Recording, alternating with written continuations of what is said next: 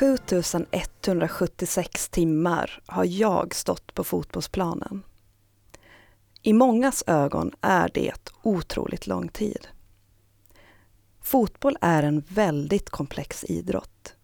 Därför handlar det inte om de antalet timmar som man lägger ner, utan vad man faktiskt gör under den tiden. Det här är Sommarprat med mig, Caroline Sjöblom, och jag är en ålänning som nu för tiden bor och lever i Stockholm. Jag har växt upp i Saltvik tillsammans med min familj, mamma, pappa och bror i ett stort hus med en grön fotbollsplan utanför dörren. Under den kommande en och en halv timmens sommarprat ska jag dela med mig av min berättelse. Vad jag har varit med om, hur jag ser på ledarskap och hur alla kan leda sig själv till att bli en bättre person. Jag kommer även att försöka inspirera och väcka dig som lyssnar på programmet. För detta ska inte bli långtråkigt, snarare tvärtom. Musiken som kommer att spelas i programmet är en fantastisk blandning av mina favoritlåtar tillsammans med musik som ska stärka det som jag ska berätta om. My Silver Lining med First Aid Kit. Ledarskap har alltid lockat mig, men jag var ganska blyg när jag var yngre. Jag tog inte plats och jag stod inte i mitten. Jag var heller inte intresserad av att vara gruppens ledare. För mig var det viktigare att sköta mitt. Att jag skulle göra min grej bra. För jag ville utvecklas och bli bättre. Jag kände att jag tidigt hade en reflektionsförmåga och strävan av att utvecklas. Mycket tankar och funderingar. Hur kan jag göra för att bli bättre på det jag gör? Om jag går tillbaka till när jag var yngre och spelade fotboll så hade jag ett ständigt driv av att vilja bli bättre på fotbollsplanen. Jag drömde om något större än bara Marcus Böhle IP och Finströmskamraterna. Jag hade förmånen att tidigt bli uppflyttad i damlaget och fick träna med fotbollsspelare som hade spelat både i ungdomslandslag och utomlands. Jag hade förebilder runt om mig som visade att varje träningspass krävde hårt jobb för att ens klara av tempot. Runt om mig hade jag jämnåriga vänner som också konkurrerade om en plats i damlaget. Detta var nog den perfekta sporren som jag kan beskriva enligt de klassiska ordspråket. Vi gjorde varandra bra. Att säga att man vill bli bättre är väldigt enkelt. Jag vill bli bäst på det jag gör. Men att utföra det hårda arbete som krävs ligger endast som grund för att lyckas. Vad är då den här reflektionsförmågan som jag nämnde tidigare? Jag tror, efter mycket reflektion, att man måste vara väldigt närvarande när man utför själva momentet. Oavsett om det är på fotbollsplanen eller plugga till en tenta. Inom fotboll tränar vi ofantligt mycket på passningar, teknik, vändningar, vinna närkamper och göra mål. Är jag då närvarande och fokuserad när jag tränar och utför dessa moment? Kan jag just då, direkt efter själva momentet, analysera mitt eget utförande istället för att behöva grubbla över det efter träningen? Varför är det så svårt att skjuta på volley? Varför kan inte jag sätta bollen i krysset sådär som Zlatan gör? Jo, det är kanske lättare att träffa bollen i en viss vinkel. Vad händer om jag lägger stödjefoten lite längre ifrån bollen? Och vad händer om jag tittar på bollen hela vägen från när min fot träffar den tills att bollen går i mål? Att lära sig reflektera så tidigt som möjligt gör att man ger sig själv en god chans till att bli bättre på det man gör. Tränar jag med den reflektionsförmåga så kommer jag snabbt att få till det att sitta i ryggmärgen. Om jag ska tala om det motsatta, som ofta är den enkla vägen att ta, så kan det låta så här. Om jag går till träning och inte är närvarande och fokuserad, utan bara kör på och accepterar att ibland blir det bra och ibland blir det dåligt, då skjuter jag ifrån mig makten över att styra min egen utveckling. Idag ösregnar det, så då kommer ju träningen att bli dålig. Snöstorm, ska vi ens träna idag? Jag kommer ju ändå bara halka runt. I natt sov jag dåligt och jag är alldeles för trött för att gå till gymmet. Så där enkelt kan man faktiskt göra det för sig själv.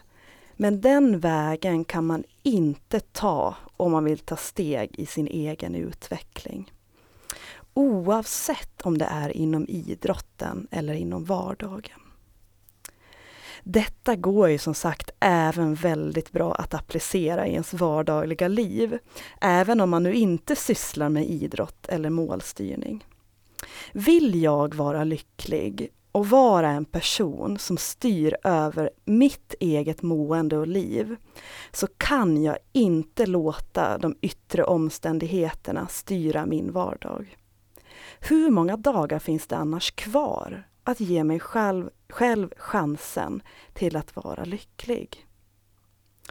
Det viktigaste att komma ihåg när det gäller att utvecklas som person oavsett på fotbollsplanen eller i livet, så är det att ingenting kommer gratis.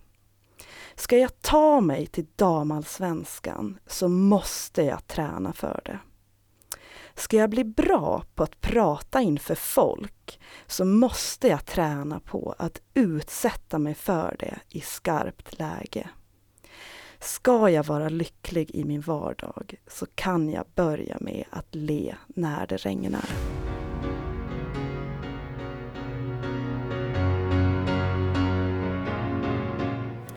Du hörde precis världens bästa liveband Coldplay med A Sky Full of Stars. Hur ser mitt liv ut idag? Jag slutade spela fotboll år 2012 i Djurgården och jag utbildade mig till beteendevetare. Idag jobbar jag som HR-generalist på heltid. Under tiden har jag hunnit med att resa, eh, bo i Spanien och varit tränare i AIKs ungdomsakademi och distriktsförbundskapten i Stockholm. Idag är jag fotbollstränare i Tyresö FFs damlag. Vi huserar denna säsong i division 1 efter att vi vann serien förra säsongen. Hur vi vann den serien skulle jag kunna ägna ett helt sommarprat om. Men jag ska inte tråka ut er som lyssnare som inte brinner lika mycket för som fotbollsdetaljer som jag gör. Det som kan vara intressant att nämna är att vi vann alla matcher utom en och var klara seriesegrare med fyra omgångar kvar. Att vinna så många matcher på rad får mig att dra paralleller till Åland Uniteds otroliga resa som jag fick vara med om. Först att vi vann division 1 2007 med nästintill helt egna åländska produkter. Och sedan 2009, året som vi tog ligaguld med 14 raka segrar. På hösten 2008 befann jag mig i Örebro för att läsa företagsekonomi och testa på studielivet. Jag tränade på för fullt med KIF Örebro, ett lag som huserade i damallsvenskan. I laget vimlade det av landslagsstjärnor som tvillingarna Hammarström, Sanna Valkonen och stjärnanfallaren Sanna Talonen. Tillsammans med islänningar och svenska ungdomslandslagsspelare. Laget styrdes av Rickard Holmlund, tränaren bakom Umeå IKs storhetstid. Jag kände att jag utvecklades för varje träning, men visste samtidigt om att speltid i damallsvenskan, det kommer jag inte att få den här säsongen. Ska jag spela ska jag antingen peta en finsk landslagsmittback eller en svensk U23-landslagsspelare. Då ringde telefonen och min före detta tränare ville att jag skulle återvända till Åland United. Denna gång var det något annorlunda på gång. Vi skulle satsa och några riktigt bra spelare höll på att krita på för nästa säsong. Det tog inte länge innan jag fattade beslutet att pausa i mina studier och flytta hem. Det var mycket som hade förändrats i klubben. Allting hade blivit proffsigare. Vi hade fått budget för att värva spelare som laget behövde. Träningsförutsättningarna var fantastiska med morgonträningar, egen fystränare och allting kändes på riktigt. Jag kände tidigt att detta år, 2009, skulle bli något särskilt. Truppen som skapades blev en stor blandning av olika individer. En gemensam nämnare för allihopa var att vinnarmentaliteten var hög. Det var alltid tävling och var det inte tävling på träning, då tävlade vi om vem som körde fortast från Eckeröhallen till Mariehamn. Jag vet, det låter galet, men precis så var det. Vi sporrade varandra till att hela tiden vilja bli bättre. Alla får en roll i ett lag eller den grupp man är i. Oavsett om det är på en arbetsplats eller i ett klassrum. Rollerna finns alltid där. Vissa tar mer plats än andra i omklädningsrummet medan vissa tar mer plats på fotbollsplanen. För er som inte har sysslat med en lagsport vet kanske inte vad en omklädningsrumsmiljö är. För att förklara det lite kort så är det där magin händer. Det är lite som fikabordet på en arbetsplats. Det inofficiella mötet. Det är där inne i omklädningsrummet som man kan mäta hur bra en grupp fungerar tillsammans. När en grupp är välfungerande så är ett omklädningsrum högljutt. Alla pratar med alla och individen accepterar sin roll i gruppen. Alla vågar vara sig själv genom att bjuda på sig, skratta tillsammans och umgås med 20 andra personer. Att ha rätt balans och trygga roller i ett lag utanför fotbollsplanen kan skapa den dynamik att jag som mittback är trygg i min roll av att vara framspelare till våra duktiga målgörare på topp. Jag blir lika glad för när vår anfallare gör mål som när vår målvakt räddar det där omöjliga skottet. Ett tydligt tecken på hur vi som lag fungerade 2009 var när vi mötte HJK Helsingfors, regerande mästarna, på vår hemmaplan. Vår mittfältare Jannica Tjäder, som var fostrad i HJK, hade varit skadad och missat matcher under vårsäsongen. Vi i laget visste hur bra Jannica kunde vara och vi unnade henne den här comebacken. Vi vinner matchen, men det som vi alla minns mest är att Jannica fick till ett långskott som gick upp i krysset. Det målet var värt mer än allt annat. Det är då delad glädje är dubbel glädje.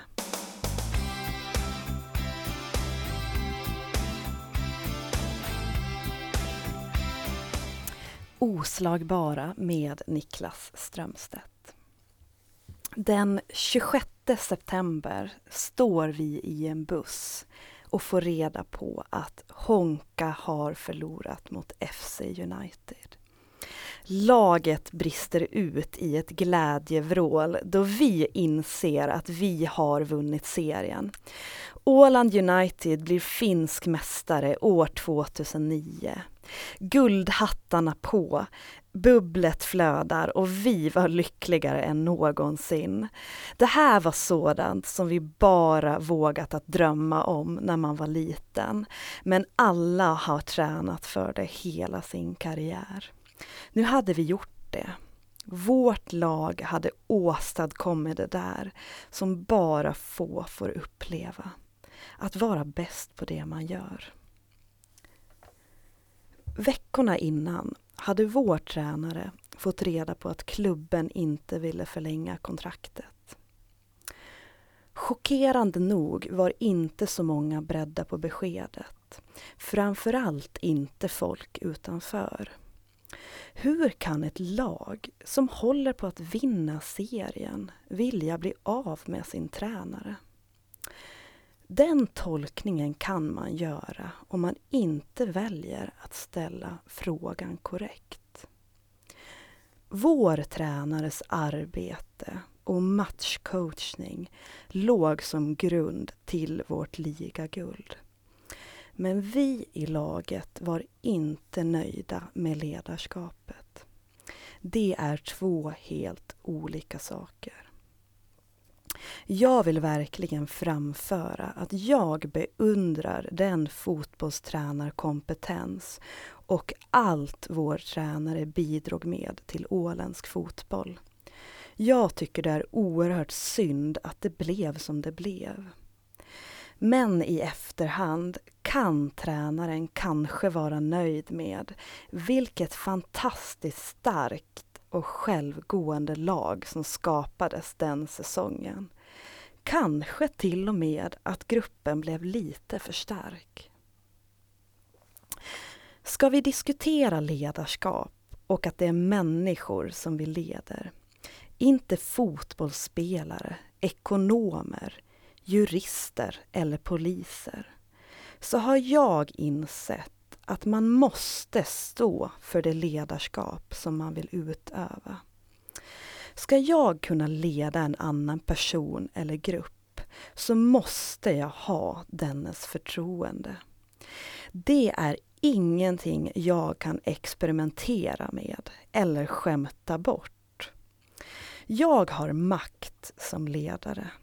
Den makten måste jag utöva på rätt sätt för att inte få gruppen emot mig. Genom att ha den auktoritära rollen som en tränare har kan jag ju faktiskt bestämma om spelarna ska springa idioten en hel träning, om jag vill. Men gör jag det så finns det en stor risk för att gruppen tappar sitt förtroende för mig. Om jag inte har ett tydligt syfte med det jag gör. När jag blev tränare var jag tvungen att ställa mig själv frågan. Vilken ledare vill jag vara? Ska jag kunna stå för det ledarskap som jag bedriver som tränare? Vilka värderingar har jag då som person? Vilket är mitt syfte med att vara tränare? är den djupaste frågan som jag måste besvara. Jag har mött väldigt många olika ledartyper i mitt liv. Även inräknat med chefer och lärare. Vad jag har insett är att för att kunna leda andra så måste man stå med båda fötterna på jorden. Och man behöver veta åt vilken riktning vill jag gå. Det finns många ledare som njuter av den självuppfyllande profetian av att bara ha makt och ha personer runt om sig som gör som man säger. Sen finns det andra ledare som bara vill leda dem som håller med en. Och de vill inte leda dem som är lite obekväma och ifrågasättande. Därför är det oerhört viktigt att lära känna sig själv och veta hur man fungerar som person i både motgång och medgång. Min erfarenhet av fotbollsspelande på hög nivå har jag försökt överföra till mitt tränar och ledarskap. På något sätt så är det lättare då man vet hur det var att vara där ute på plan. Jag minns hur det var att vara tränarens favorit. Men jag minns också hur det var att spela utan förtroende. Jag anser att nyckeln för att få en grupp av personer att prestera är att individerna också mår bra i gruppen. Ledaren behöver se alla individer och den behöver också vara den som leder gruppen framåt. Min upplevelse är att en ledare inte ska behöva skälla ner sina spelare när de gör något dåligt. Jag ska inte behöva bestraffa mina spelare om de inte levererar som de ska. Ett exempel utanför planen, om en spelare kommer sent till en samling. Då behöver inte jag nämna det högt inför gruppen. För jag vet att gruppen fixar det rätt bra ändå. Spelaren kommer att förhöra det från sina lagkompisar att det är inte okej okay och det är respektlöst att komma sent. Istället går min filosofi ut på att jag måste ge mina spelare förutsättningar och nycklar för att utvecklas. Att stå och tjata vecka ut och vecka in på att spelarna måste äta och dricka ordentligt för att orka träna blir ganska snabbt väldigt meningslöst. Istället kan vi bygga en kultur som att fylla ett kylskåp i omklädningsrummet där vi har återhämtningsmat. Således skapar vi en kultur att man ska äta direkt efter träningspasset. Jag behöver ju stärka det positiva beteendet och bygga en kultur i laget. En stadig grund att stå på. Det är okej okay att misslyckas bara du försöker och försöker ge allt du bara kan. Allting har en balans när det gäller ledarskap. Ska jag vara tuff, snäll, hård, diplomatisk, krävande? I grunden handlar det om hur jag bygger förtroende med mina spelare. Som fotbollstränare är ju grundpelaren i förtroenderelationen att jag kan tränaryrket. Spelarna behöver känna att jag kan fotboll. Sen kommer det som är ack så viktigt, men som så många ledare faktiskt glömmer. Jag leder människor som spelar fotboll. Bakom all prestation finns det en människa. Och för att en människa ska kunna prestera på topp så måste personen må bra. Om jag väljer att såga eller ignorera den där fotbollstränaren, fotbollsspelaren varje träning i kombination med att personen har skyhöga krav på sig själv så kommer den aldrig våga gå utanför sin comfort zone. Med att gå utanför sin comfort zone menar jag att man vågar gå utanför sin bekvämlighetszon.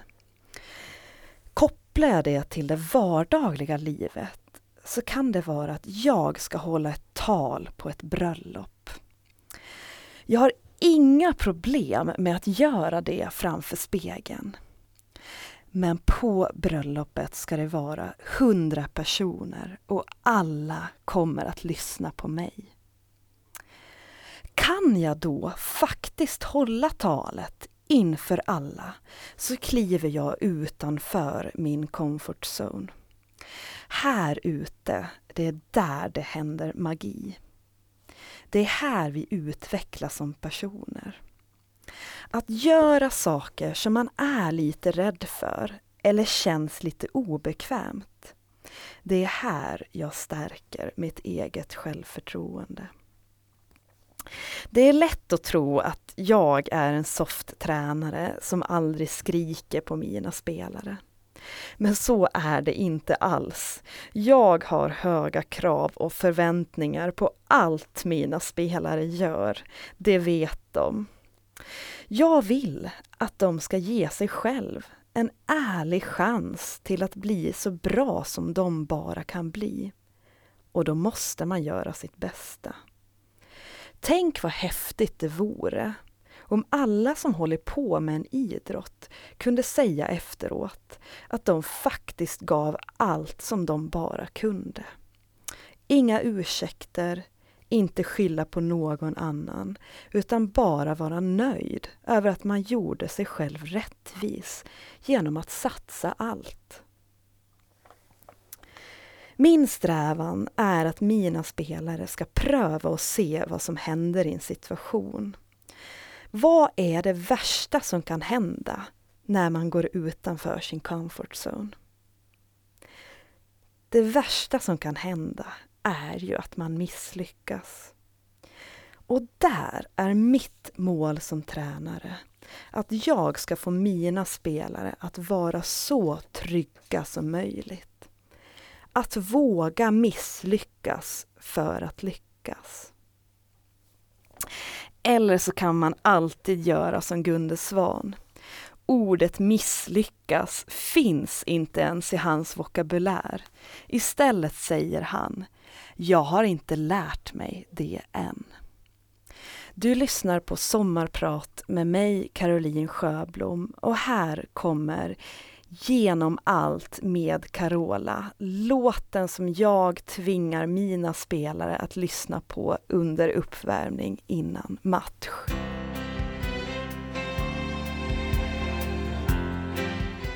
Hur ofta kliver du utanför din comfort zone? Vad är det som händer när man erövrar det där lite obekväma som man är nästan lite rädd för? En studie som gjordes i USA då folk fick fylla i vad man är mest rädd för i livet så kom att tala inför folk på plats nummer ett. Det är faktiskt inte så konstigt. Adrenalinpåslaget som kroppen kroppen sänder ut liknar samma situation som när jag möter ett lejon på savannen. På plats två kom att någon utav mina nära och kära ska gå bort och på plats tre cancer. Därför ska man inte skoja bort vad som faktiskt krävs för att gå utanför sin comfort zone. Som jag berättade tidigare så hade jag inte drivits av att vara en chef eller ledare för andra. Men när jag fick chansen att känna på det när jag blev tränare så märkte jag att ju mer saker jag blir utsatt för när jag leder andra, desto mer utvecklas jag som person.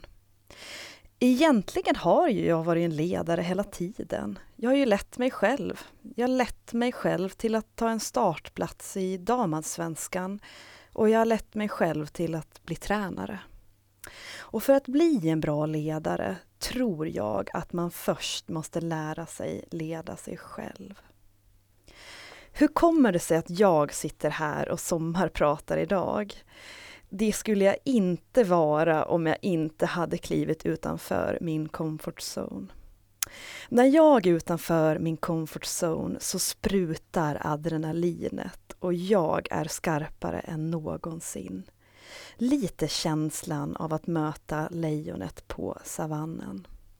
Det som är viktigt att förstå när det gäller sambandet mellan självförtroende och comfort zone så är det att det som var jobbigt igår kan bli helt normalt och bekvämt idag. Att hålla en provträning i AIK inför Sveriges bästa 99 var det mest jobbiga jag kunde utsätta mig för den där februarikvällen.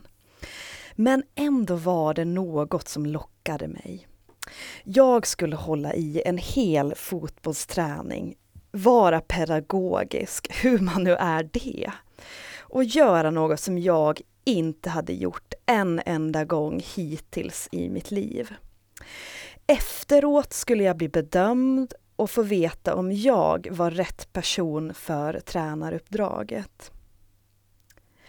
Det hinner gå några månader tills man är helt varm i kläderna som tränare. Jag hinner göra de där misstagen, som att tala för tyst, vara för otydlig och tvivla på mig själv.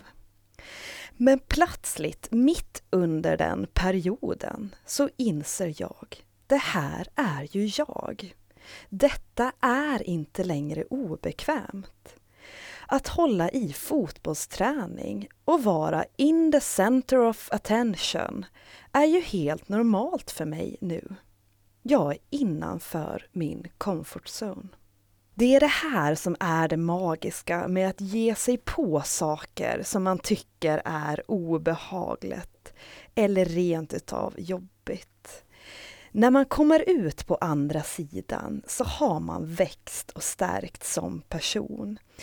Oavsett om det är att ta sig igenom ett Vasalopp eller att kanske bestiga ett berg.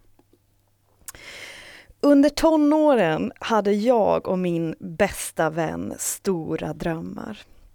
Vi tyckte att Saltvik var lite för litet för oss. Rent utav var vi ganska understimulerade. Vi ville hitta på hyss och utsätta oss själva för spänning. Ofta kunde vi sätta upp en teaterpjäs eller konsert för att bjuda in grannar och min kompis släkt utan att ens veta vad teatern skulle handla om. All förberedelse gick ju åt till att sminka oss eller samla in rekvisita. När gästerna kom steg adrenalinet, för vi visste ju inte ens vad teatern skulle handla om. Det fina med det hela var att vi improviserade hela pjäserna utan att veta hur de skulle sluta. Stående ovationer var det kanske inte alltid. Men att lära sig våga improvisera har jag haft stor nytta av i vuxenlivet. Och att sätta upp en Gyllene Tider-konsert i trädgården kan faktiskt sluta med succé. Fundera själv på vad du skulle göra om du vågade kliva utanför din bekvämlighetszon. Eller vänd på frågan. Vad undviker du idag som du skulle göra om du hade ett bättre självförtroende? Nu ska ni få njuta av en av världens bästa låt med Madonna. God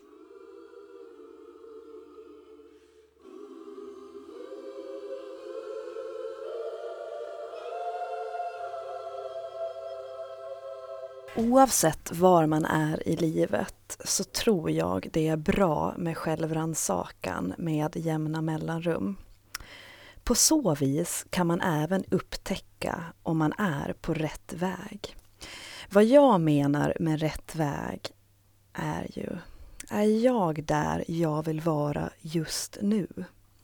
Om jag inte är där jag vill vara just nu, vad ska jag då göra för att komma dit?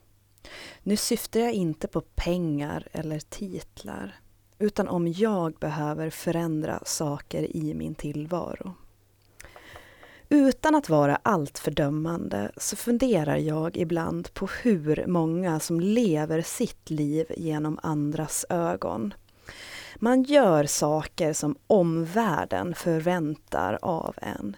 Normerna säger si och så. Man uppfyller inte sina egna drömmar utan stannar kvar i sitt missnöje över vardagen. Jag är ju som sagt en drömmare redan från barnsben. Men det häftiga när man har fått uppnå stora delar utav sina drömmar så har jag insett att steget mellan dröm och verklighet är faktiskt inte så stort. Jag kunde ju bara drömma om att spela Champions League 16-delsfinal mot ett av världens bästa lag när jag stod som 14-åring och nötte på mitt vristtillslag på Marcus Böhle IP. Jag har lärt mig att vara tacksam för det jag har och för den jag är. Varför ens spekulera i det värsta som kan hända?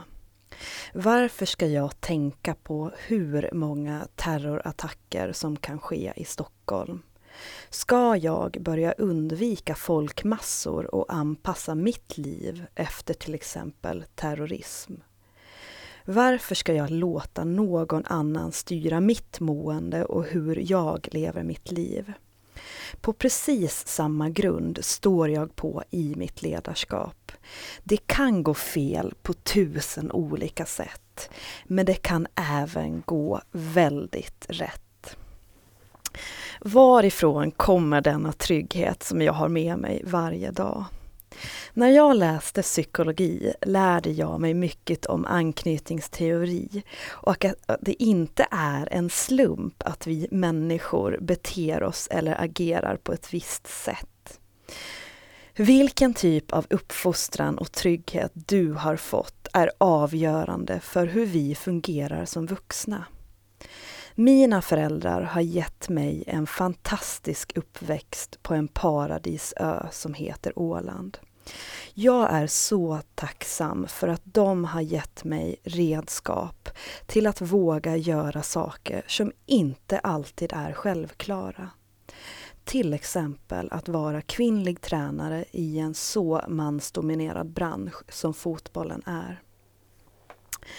Jag har precis lite jetlaggad kommit tillbaka från en underbar semester i Kalifornien, San Diego och Los Angeles. En resa som jag gjorde tillsammans med en bästa vän som jag funnit genom fotbollen. Och vi hängde hos en amerikansk vän som jag också träffat genom fotbollen. Resan var ett perfekt avbrott från min annars ganska fullspäckade vardag. Något som jag dock kom att tänka på när jag satt på soldäcket på väg till Åland och tittade ut över den åländska skärgården var att jag är oerhört tacksam för den uppväxt som jag har fått med mig från Åland. Tanken att få växa upp med fantastiska mor och farföräldrar får mig att minnas tillbaka till när vi var hela somrarna på sommarstugan och telefonen ringde. Det var mormor som undrade om vi e- ville hänga med ut till en holme tillsammans med kusinerna i morfars motorbåt. Mormor hade såklart packat ner världens godaste matsäck med pannkaka, grillad kyckling och hemlagad saft. Att få åka ut i skärgården, dyka från klippor och springa barfota på de solvarma bergen har jag insett att inte är självklart för alla barn där ute i världen. Att få ha dessa underbara minnen med mig gör att jag önskar att alla kunde få uppleva en sådan uppväxt som jag haft på Åland.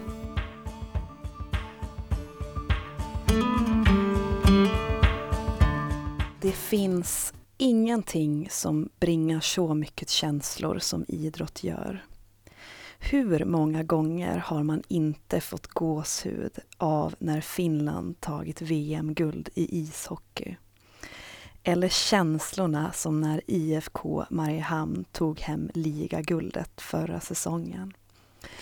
Lika väl som när Susanna Kallur, en av mina favoritidrottare, stod på startpallen och var i sin livsform inför OS-finalen 2008. Startskottet går och hon gör en fantastisk start ur startblocken. Flyger fram mot första häcken. Antagligen för snabbt då hon snubblar på häcken och kraschar i backen. Ett lopp som hon tränat för i fyra år. Som är över på en sekund. Den känslan av hur grym och samtidigt hur underbar idrotten kan vara är nog tjusningen av det hela. Ena dagen kan det vara himmel och den andra dagen kan det vara helvete. Jag har tränat spelare som spekulerats om att vara den nästa stora mittfältsstjärnan i Sverige. Som dagen efter drog korsbandet i knät och karriären var över. Som tränare lär man sig hantera med och motgångar vart eftersom. Ju mer känslor man bygger upp Alltså hur mycket själ och ansträngning och energi man väljer att lägga ner, desto tyngre blir bakslaget. Men desto underbarare blir även glädjen. Det fina med att vara tränare är att glädjen när en spelare lyckas är nästan större än när man själv gjorde det som spelare.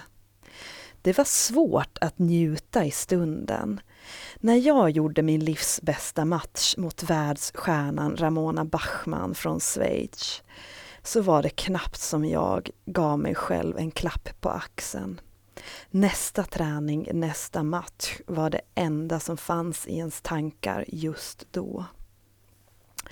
Jag har haft otrolig tur både i min spelarkarriär och tränarkarriär då jag har fått förmånen att vinna mycket. Vilket gör att det hela blir himla mycket roligare. Att få vara med och vinna en serie, spela Champions League, ta Öspels guld med Åland, spela ungdomslandskamper för Finland och vinna matcher i damallsvenskan gör att jag får gåshud bara jag tänker på det. Jag brukar skämta med min tränarkollega i Tyresö att förluster, det mår vi extremt dåligt utav. Men att vinna matcher, det bringar ett normaltillstånd när det gäller ens mående.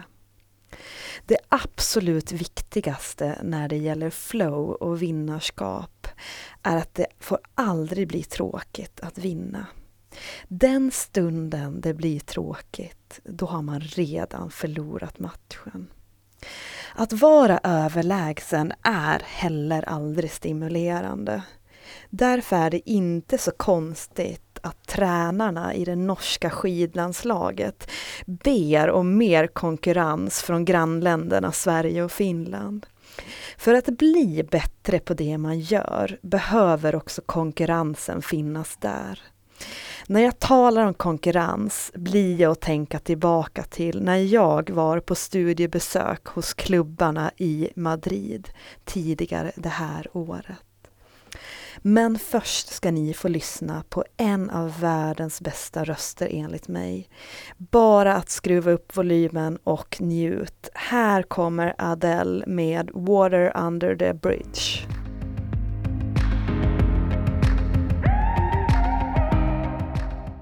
Med Tyresö fick jag förmånen att åka till Madrid för att ta del av hur Rayo Vallecano, Atletico Madrid och Real Madrid bedriver sina verksamheter. Hela resan var en dröm för den som älskar fotboll och för den som vill veta de innersta hemligheterna om hur de spanska storklubbarna jobbar. När vi kom till Real Madrids anläggning Valdebebas var det som att komma till en egen stad i staden. Anläggningen som kallas La Fabrica, på svenska Fabriken, har cirka tio planer och en egen arena som deras B-lag spelar sina matcher på. På insidan finns restauranger, hotell och lägenheter där akademispelarna bor i. Inga föräldrar eller agenter är tillåtna att vara på insidan. A-laget har egna lägenheter där de övernattar när de varit på långa bortamatcher och vill ha nära från flygplatsen. När man är på den yttersta eliten är återhämtningen bland det absolut viktigaste. Därför stannar ofta stjärnorna kvar för att kunna köra ett återhämtningspass direkt på morgonen dagen efter match. Vi får en guidad tur runt anläggningen och guiden berättar om vilka ofantliga krav klubben har satt på sig själv.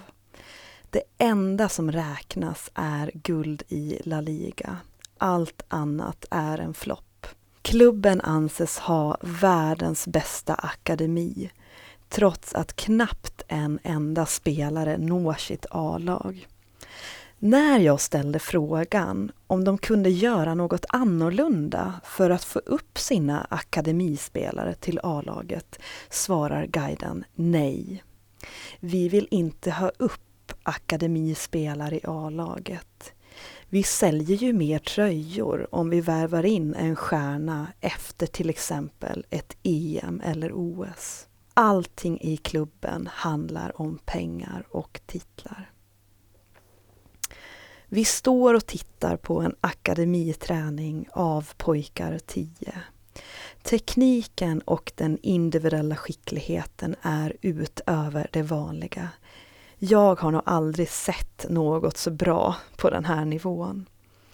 Jag får syn på en liten kille som är skickligare än någon annan i deras spelövning. Samtidigt säger guiden lite tyst till oss. Den där killens tid är strax över. Han är för kort. Han kommer att få lämna akademin efter den här säsongen. Hela syftet med deras fabrik är att spelarna ska bli sålda till andra lag i La Liga eller Premier League i England. När jag ställer frågan om landslaget så fnyser guiden och säger att Real gillar inte landslagssamlingar för det stör bara akademilagens verksamhet. De ska ju vinna allt och då kan inte spelarna åka iväg på en landslagssamling. När frågan om de har ett damlag kommer suckar guiden och säger att presidenten är inte så förtjust i damfotboll. Dock väntar de nu på att ett lag från Madrid ska vinna näst högsta serien så att Real kan köpa upp laget. För ska Real ha ett damlag så måste de ju spela i den högsta serien.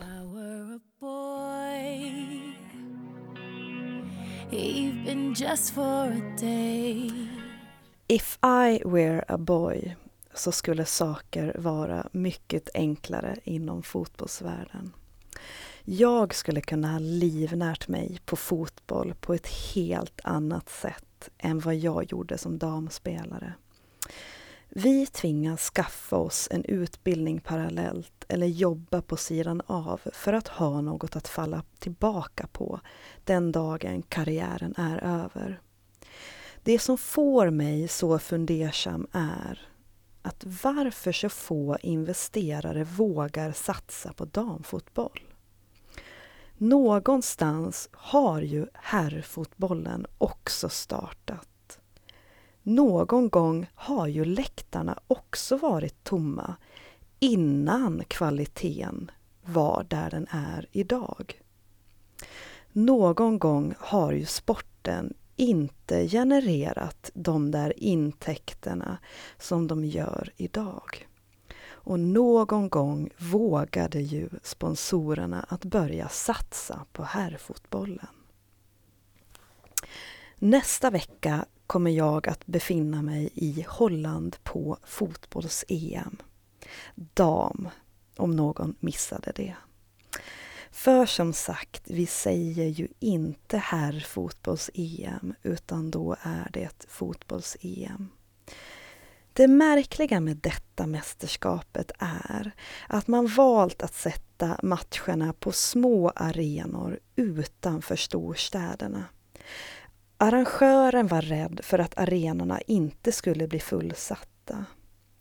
Nu ska alltså ett EM spelas på små arenor i små städer så att folk som vill gå eller kanske skulle kunna tänkas lockas att gå inte får uppleva det live. Jag tycker det är sorgligt att sport sporten och personer med makt inom fotbollen begränsar damfotbollens egen utveckling och ständigt sätter hinder för att damfotbollen ska få blomstra fullt ut. Jag har en god vän som spelar i Islands landslag och jag fascineras över det landets beundran av sina två landslag, dam och herr. Som ni flesta säkert minns tog Islands herrlandslag Europa med storm då laget tog sig hela vägen till kvartsfinal i EM och laget hade med sig hela folket i ryggen med hejaramsan Vulkanen.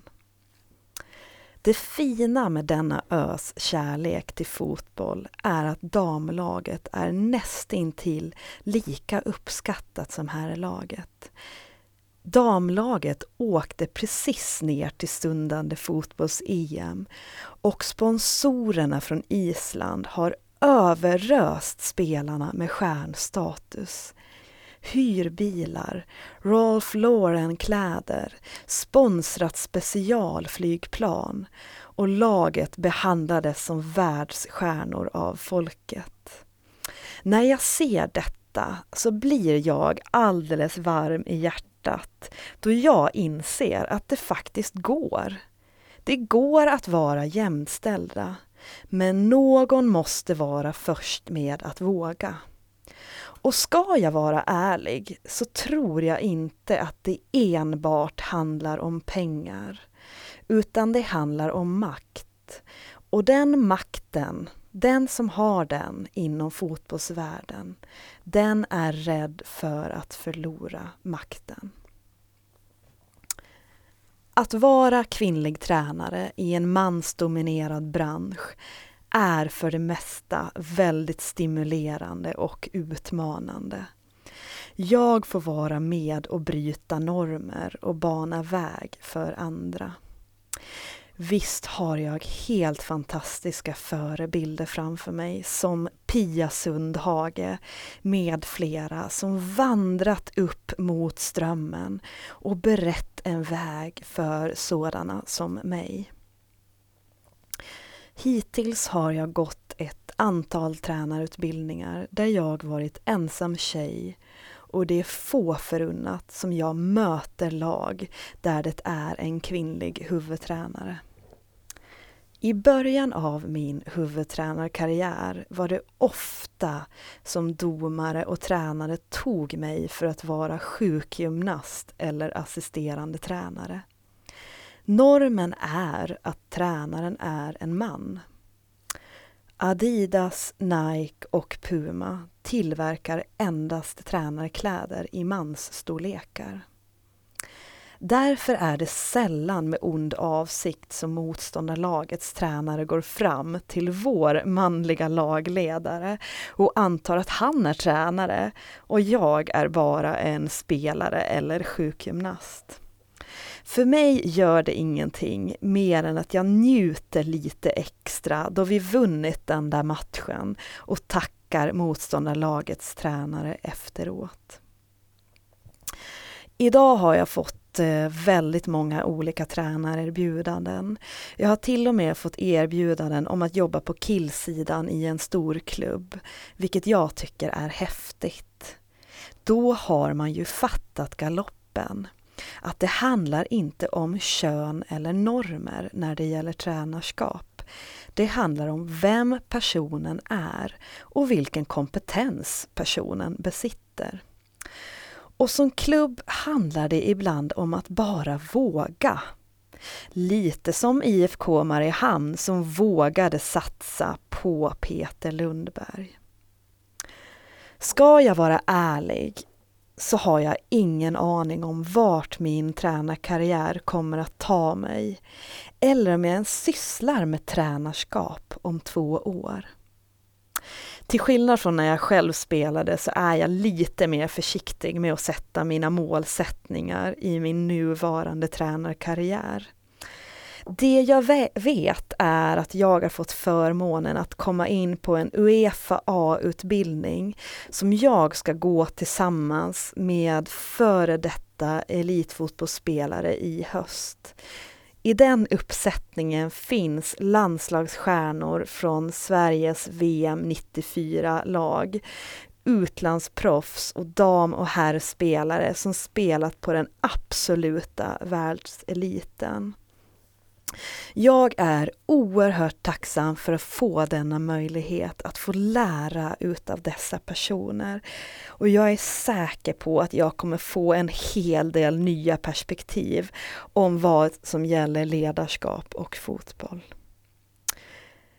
Jag vill passa på att tacka så mycket för att du som lyssnare har följt mig under detta sommarprat. Jag vill även passa på att tacka min fantastiska familj och mina nära vänner som stöttar mig för allt jag gör. Du har lyssnat på Sommarprat med mig, Caroline Sjöblom och här kommer en favorit, Heroes med David Bowie.